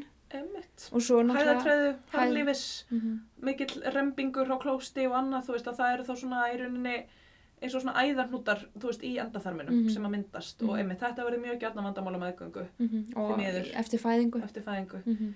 Já, eitt svona tips kannski að hérna, það er sko skoripari. Ég bara mæli svo mikið með því að kaupa sér svona koll sem er svona Mhm. Já, kollur sem er... skotti potti. Já, Já. ég var bara með vondan Já, hreim. smá skori pari. Skoripari. Ég horfði bara á þau bara, skori pari. bara, hvaða parti er þú að tala um svona? ég var að missa þessu parti. Það er það partum helgina. Skori pari. En svona kollur, svona eins og til á öllum heimilega sem eru krakkar, svona ekki staðar til að busta og skilur ná í vaskin og svona. A- Að hafa þannig bara, e, smetla fyrir fram á klóstið og þá getur þú skvotað eða sem sagt verið og hæ, setið og hækjum þér eins og er hér náttúrulega staða við hæðalósu, nú bara til að tæma blöðru og ristil, skilur Mhm. Og hérna er þar sérstaklega gott ef að maður er að glíma við einhverja hæðatröðu eða já, eitthvað. já. Og þá er maður ekki að sitja og rembast og eitthvað svona Mhm. dæmi. Mm er þetta svona að þú ert að fá Eða Svona bara svona- náttúrulegur þrýstingur. Já, þyngdaraflið og svona, e, þetta er bara miklu náttúrulega staða. Mhm. Þannig að ef að einhverju hlustendur þjást af hverslags e, rassakvillum, þá mælum við með þessu. Æ, rassakvillar. Mér finnst það gott orð. Yndislegir. Já, þeir eru það. Herru, við erum að fara í næsta, það ekki? Já, Hérna, leggöng. það eru leggöngin, vaginan, Þetta er svo áhugavert, sko. sko... mikla vagina. Þannig að ef við, ef við rifjum upp, ef við erum að taka e, að ofan og niður, þá er það snýpurinn, það er þvagrásinn, það er leggöngin og það er rassin. Mhm. Ok, og við erum að fara að vinda okkur inn í leggöngin. Við erum að fara inn. Hinn miklu leggöng. Mm -hmm. Djúpt inn. Við ætlum að, já, e, grinnra en maður heldur. Já, Talandi um merkileg. leikvöngin, þau eru, hvað hefði þú haldið að þau væri löng? Miða við hinn, hin bara Segjum að ég sé- stærðar Já. obsessjóði sem er í gangi í heiminum í dag. Segjum bara ég hafði ekki farið í anatómíu hjá Kristbjörgu Já. og ég var ekki að læra þetta fag. Já. Og ég var ekki hérna alltaf að setja putan svona og gera skoðun. þá, þá fór mér svona pínu hugmynd, sko. Algjörlega, ég er með dvergfingur og mér tekst að botna leikvöng í skoðun, þú veist, það er bara þannig. Já. Það er, já. það Ég er- myndi að halda að væri miklu lengra neðru. Þau eru 7-10 cm gott fólk. 7-10 cm. Þetta er rosa stutt. Sko, og, en við, við þurfum að útskýra betur. Líka mm. leggöngin, svo, ég, ég ímynda mér þetta, eða þú veist, maður ímynda sér þetta bara sem hólk, bara þú veist, eins og þetta pæla einn í hólknum, bara sem er innan af, hérna, eldhúspapirrúlu eða eitthvað skilur, bara hólkurinn. En þú veist, í, í bara kvíldastöðu, bara eru leggöngin í rauninni, þau þessu bara fremri og aftari veggur þeirra bara snertast. Þú veist, þetta er bara svona mjúk pulsa sem að er saman. Mm. Fellur saman. Þú veist, að því að enn og aftur, þú veist, þetta leiðir alltaf einhverjum innri viðkvæmum Eða líffærum þetta er og kannski við svona- erum að venda. Þetta er kannski pulsubrauð sem er ekki búið að opna. Já, Er þetta ekki gott? nákvæmlega. Gott hérna, góð lýsing. Já, sé- sérstaklega í ljósi svona pulsu, já, einmitt, þetta er skemmtilegt hjá þér. Eh, Nefn bara helmingi minni. Já, bara, þetta er, þetta er lítið og leggöngin eru gerður alveg rosalega miklum fellingum. þe- þeim eru oft verið líktu svona eins og bara plísera pils en ég veit ekki hvort það er kannski orðið sem allir kannast við en svona kr- rosa krumpað efni að þú teir úr því þá er yfirborð efnisbútsins í rauninni mikið meira en það er- virðist vera Þetta er svona samanþjöppuð Fyrsta sín. harmonika, þú veist, Algjörlega, þannig pæling sko. algjörlega, Svo algjörlega. bara þegar að þú te- dregur út sko, Já. þá er þá er bara vefur til staðar. efni sem fyrir harmoníku bara úslega mikið en að þú sér samanbrotna harmoníku er það bara eitthvað smá skiljiði og það er einhvern veginn að svipa með leggöngin þau eru hérna leina svo mikið á sér yfirborðflatamál þeirra þannig að þau geta við kynferðslega örfun lengst og e, sem sagt vikað Já. Hvað lengist þau mikið? ég veit það ekki, veist þú það? Hvað- Kannski svona Einhver, allan, 12. ég, ég, ég þóra ekki að fara með það Nei, Stephanie. einmitt. ég, veist, ég þóra ekki En allavega nóg til að tippi kemst þarna inn. Já, þú veist, það kemst inn, já. Já. En það, þú veist, mér finnst þetta samt svona ágætis bara allir strákar sem að hafa verið ógeðslega stressaðir yfir tippastarðinu sinni munið þetta. 79 Sjö cm. Til 10 sentimetrar af, af legöngum. Og þar fyrir endan ertu að klæsa á legháls og það er ekki gott fyrir einn en einn. Þannig að þú Nei. veist, Það er þessi magatilfinning sko. já, þannig að þú veist, já, eh, höfum ekki áhyggjur. Nei, Uh, við skulum bara afskrá þetta. já. En sko, ef að við, þú veist, það er rauninni ætti, ma- í rauninni ætti maður að tala um leggöng þegar þau eru bara svona, konan er bara slök og ekkert að frétta og svo leggöng þegar að kona er kynferðslega æst, þegar hún er gröð, hvað sem maður vil kalla þetta, Mhm, Spennt. Örfuð. örfuð. Að hérna, þú veist, já, þá eru leggöngin sem þessi hólkur uh, og lokaða pilsubrauðið fullt af einhvers konar hérna fellingum og um, eru umlukin uh, grindabotninum, grindabossvöðvunum, vöðvalag sem að heldur upp öllum þessum grindarliffarum okkar í rauninni Mhm. og eru bara ótrúlega upplugt fyrirbæri sem að flestir þekkja bara út frá því að þeir hérna, pissa á sig á trampolín eftir fæðingu og er sagt að herpa grindabotnin og svona. Þannig að þú veist, Eða bara ekki eftir fæðingu. já, eða bara ekki eftir fæðingu, nákvæmlega, þú veist, eitthvað annað. En sem sagt, ef að við færum okkur inn í bara, þú veist, alveg rétt aðna inn fyrir hérna leggangrópið, þar er hýmenið eða kugurkransinn, skeiðarkransinn, megarhaftið, hvað sem mamma vil kalla það Mhm. og þú veist bara það að þetta heiti haft er ákveðið svona þú veist já, þetta er eitthvað haft hérna, skjaldirishöft eitthvað svona sem þarf að rjúfa þú veist, hérna við samfærir og þetta er allt svolítið svona dramatist í sjálfu sér þannig að megar haftið er svona fyrirbæri sem að hefur verið lítið rannsakað það hefur verið miskilið og er eitthvað svona sem að allar stúlkur hafa haft, eða margar stúlkur hafa haft kvíða yfir gegnum tíðina að hérna fyrstu samfærir verið svo óbúslega sárskafullar af því að það er verið að rjúfa haft Já. En það er líka bara ákveðin skilabóð sem fylgir svo orðið. Já, Þú veist, megar haft, þú innsigluð, veist. Já, höftuð, hef, höft, já, Mhm. ég veit það, veist það bara mjög svona, hvað maður að segja, maður talar um svona feðraveldi stæmi, sko. algjörlega.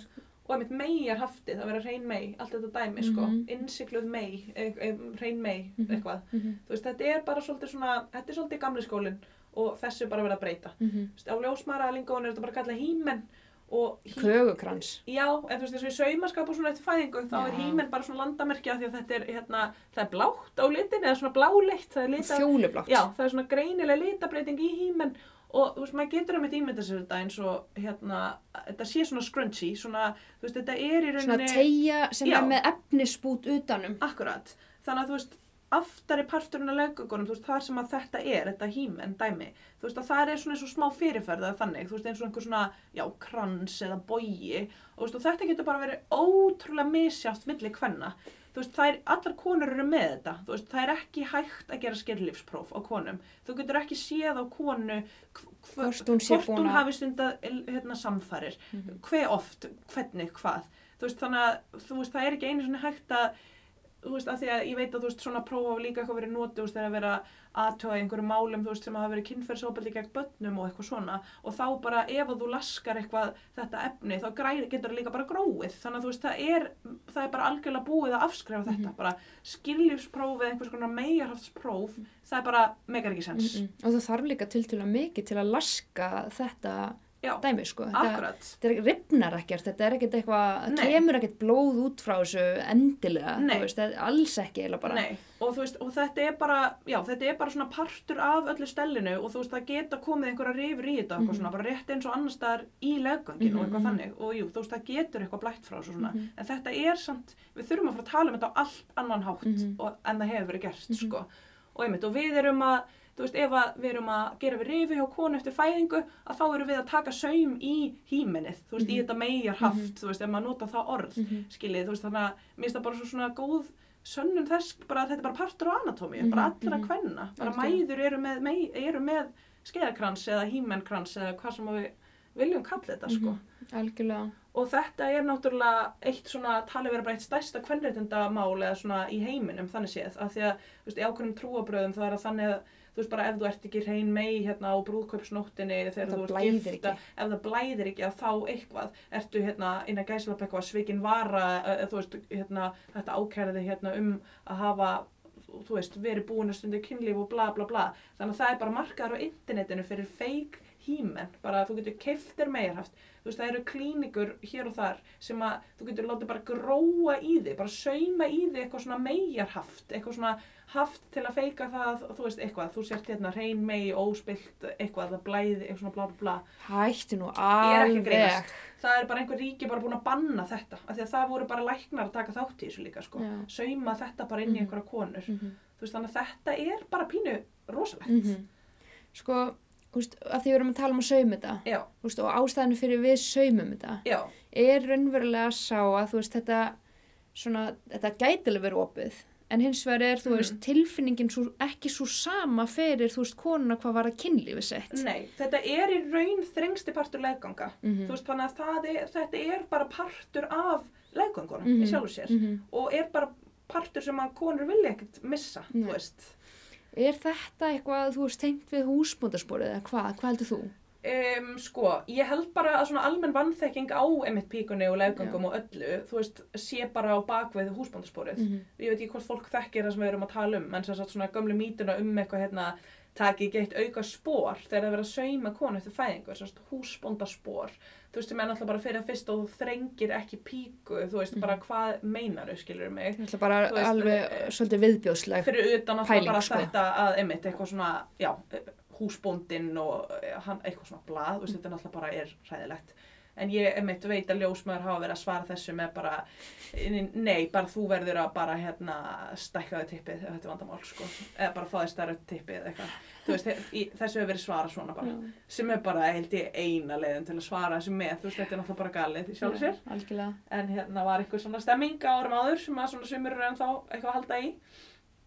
Er það ekki? Jú, þetta er, þetta er alveg hræðileg, hræðileg spurning sko Já. sem að, En ef, Fær. ef við komum aðeins aftur að því bara að útskýra hvað er að gerast þarna þegar að kona verður bara kynferðislega spennt, Mhm. þegar hún verður æst, þá er bara hérna, auki blóðflæð til svæðisins. Mhm. Við erum búin að útskýra hvað gerist með snípin og allt þetta og það sem gerist bara með leggöngin er um þetta við sögum að þau, þau bara, úst, allt þrútnar, þau vika og lengjast og þau blotna. og þau blotna. Mm Uh, merkilegt nokk að þá eru ekki kirtlar í sjálfum legungunum. Það er aðeins hann upp við leghálsin alveg innst og síðan bara þessir hann Bartolini-kirtlar sem við vorum að tala um sem eru bara hann við legungar opið. -hmm.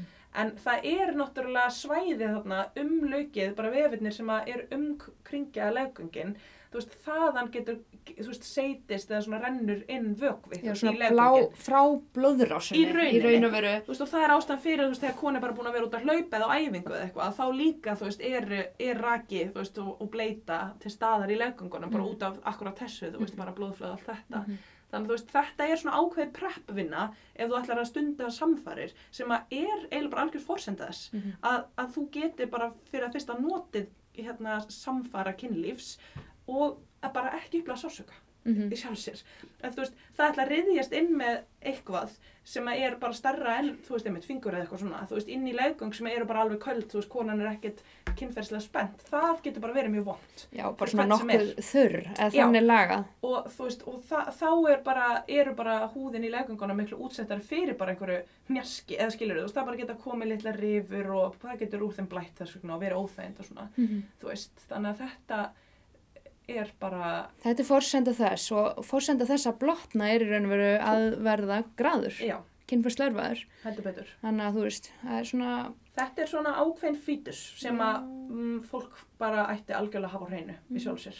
Það er Þetta er nefnilega bara- merkilega margir sem að er Þetta er ekki að stunda, þú veist, Nei. kynlíf sem að veitu þeim Nei. bara sko ánægju og gleði heldur, þú veist, það eru reynur að stunda sásökafullt kynlíf eins og þú varst að fjalla um Algjörlega. hérna í dag. Ég bara var að, var að kynna mér þetta af því að það er til dæmis ennon í nafni í Svíþjóð, það er byltingi Svíþjóð gegn sásökafullu, hérna, sásökafullum samförum af því að það eru bara, það er helmingur hvenna sem að bara uppliði bara í síðasta kynlífinu sínu, sásöka þú veist, þetta er ekki eitthvað ég hef einu sinni upplifað sásöka það er bara, ég stunda sásökafullt kynlíf, þú veist, samfarir og helmingur þeirra stund, þú veist, heldur sa- bara samförum áfram þrátt fyrir að vera í sásöka og það er svona stórpartu kvennana sem að segja maka sínum ekki frá það er stórpartu kvennana sem gerir sér upp fullnægingu eða aðra ánægju eða unun þrátt fyrir að vera í sásöka Svo þetta eru bara svo ótrúlegar upplýsingar Mhm. og tölur og svona- Sláandi. Já, þannig að þú veist, það, þetta er veruleikalega ótrúlega marga, margra, sérstaklega ungra kvenna, en eiginlega bara kvenna. Mhm. Og þú veist, og það sem að, þú veist, þessi hópar eiga sameilætt, ég, ég er búin að skoða margar svona rannsóknir, þú veist, er svolítið að, þú veist, einmitt að vera bara, er bara almenn óanægja þá með sitt kynlíf, það er að upplifa sig undirgefin í sínu kynferðslega sambandi, þú veist, að þú sért svona inferior, að, að þú forgangsraðir Mm-hmm. þörfum makaðins ofar eigin Mhm. og ekki bara ofar eigin þörfum heldur bara ofan, ofar þeim rétti að vera ekki með verki skilur Já, já.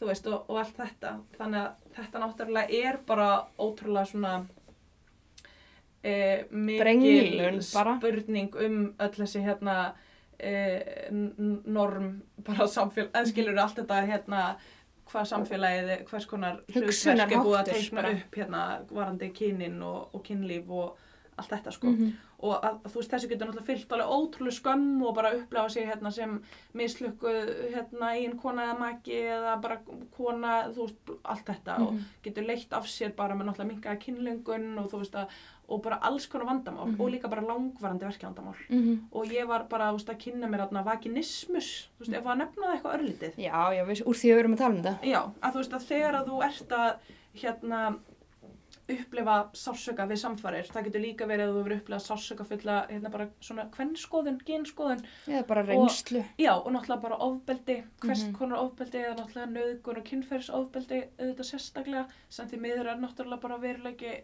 ótrúlega margra því miður Mhm. að, að þetta svona eru kannski einhverjir þættir sem að geta svolítið skilirt svona viðbröð, varnaviðbröð sem er svona öllu jöfnu óskilirt sem er bara það að þú veist að verður bara svona þessi herpingur á Mhm. öllum þessum hann grindabásvöðum sem vorum að nefna herpingur utan um leggangin og þau eiginlega lokast, þau bara Mhm. algjörlega spennast og þetta, þetta getur verið bara þó að bara konan sé ekkert að spenna þó hún vil ekki spenna, stjáfnvel þó hún sé alveg bara kynferðslega æst og líði vel og langi að stunda kynlíf og allt þetta þá er hún bara komin í þú veist, þetta bara stöðu Mhm. og varnaðubrað sem að þú veist, getur komið ga- jafnvel bara við einhverja litla snertingu bara, Mhm. þú getur bara kannski ekki einu svona komið inn bara fingri eða túrtappa og þú veist, og hvað þá bara tippi skilur Mhm. ef þú ætlar að reyna það Mhm. þannig að þetta er eitthvað sem að er mjög algengt vandamál og Já, er það mjög algengt. Já, eða þú veist, það eru margar konur og stelpur sem Já. hafa bara verið að glíma við þetta Vist það ekkert komur óvart með hvað til Nei, dæmis miðað við- kynferðslegt ofbeldi er Í- nei, sko einmitt. algeng, hvað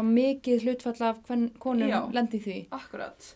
Og þú veist, og þetta er einhvern veginn eitthvað sem að e, allavega sænsku ljósmaðurnar hafa mjög mikla trú á bara fræðslu og samtali um þetta um sem sagt þa- mikilvægi þess að stunda kynlíf út frá réttu forsendunum að þú gera fyrir sjálfan þig og að þú veist að þú sért í sambandi það sem þú upplifir traust Mhm. og Mm-hmm. getur sett þér mörg og, og, og þau séu virt og allt þetta og þú þekkir einn líkama og, og vitir allt um hana, mikilvægi bara, þú veist, grettunar og bara, þú veist, Forleikur. allt þetta, já, af því að það er líka tekið fram að bara ef þú hefur verið að stunda kynlíf sem að þið langaði ekki í á þeim tímapunkti eða bara með einhverjum sem þið langaði ekki að vera með eða þú veist, eitthvað svona aðeins bara af raungu fórsendunum skilur að þá getur þetta líka svolítið þróast Mhm. þú veist, á þess að við förum eitthvað nánar út í þetta eða meðferði eða hvað, að þá er þetta bara eitthvað sem er ágætt að vita af og Mhm. ef maður er að klíma við eitthvað svona þá er það klárlega ekki eðlilegt, þú veist, maður á ekki að sætta sig við sásökafyllt kynlíf, maður á ekki að sætta sig við að þetta sé veruleiki manns En svo er spurning hvert, hvert getur maður leitað?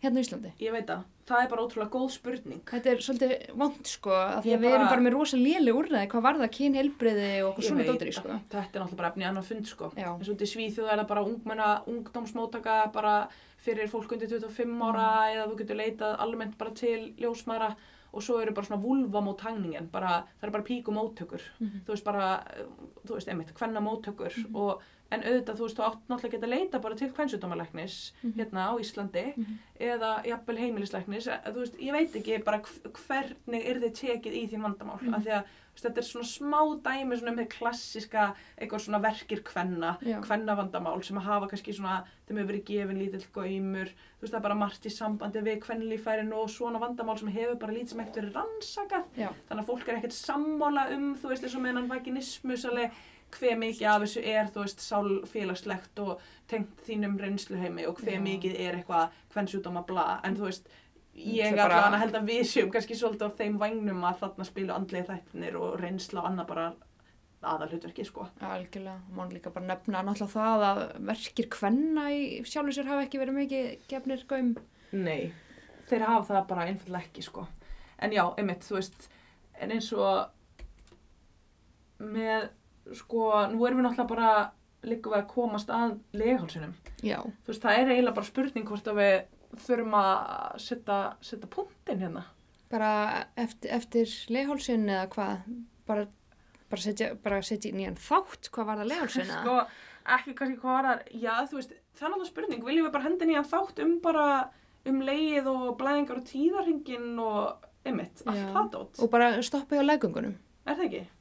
getum Jú. við jafnvel farið út í aðeins kannski út í getnavarnir Herru, tökum bara geggjan þátt. þungunarof, eitthvað Já, svona tökum geggjan þátt um leihálsin, það kemur hérna framhaldsáttur.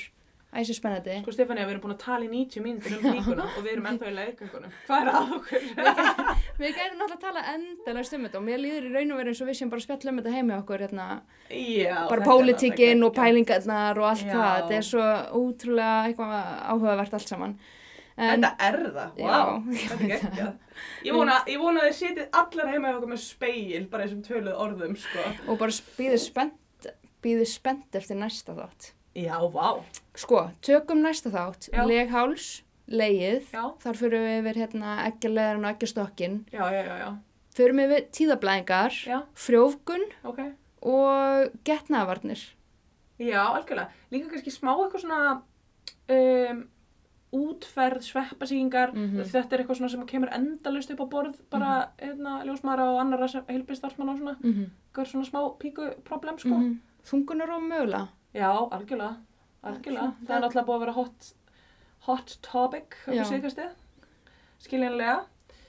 Um, getum jafnvel tekið eitthvað aðeins meir um grindabótt. Já, já, jú, það er alltaf hérna Þetta verða þrýr framhaldsættir. svona vannmetinn þáttur, Já. grindabotnin, ekki? Um, jú, algjörlega. Ég, og miskilinn ákveðin hátt. Jú. Já. Já, jú, jú, ég luma svolítið, svolítið feitu bit á grindabotnin, sko. Ég held við verum eigan inni. Er það frá, reynslæðin frá Svíþjóð? Nei, það er þannig ótrúlega satt ekki, sko. Það er bara, hérna, reynsla mín að því að eiga sjúkraþjálfara vinni, sko. Þannig að við kannski tökum það næst. Ég fíla það. Já, er það ekki?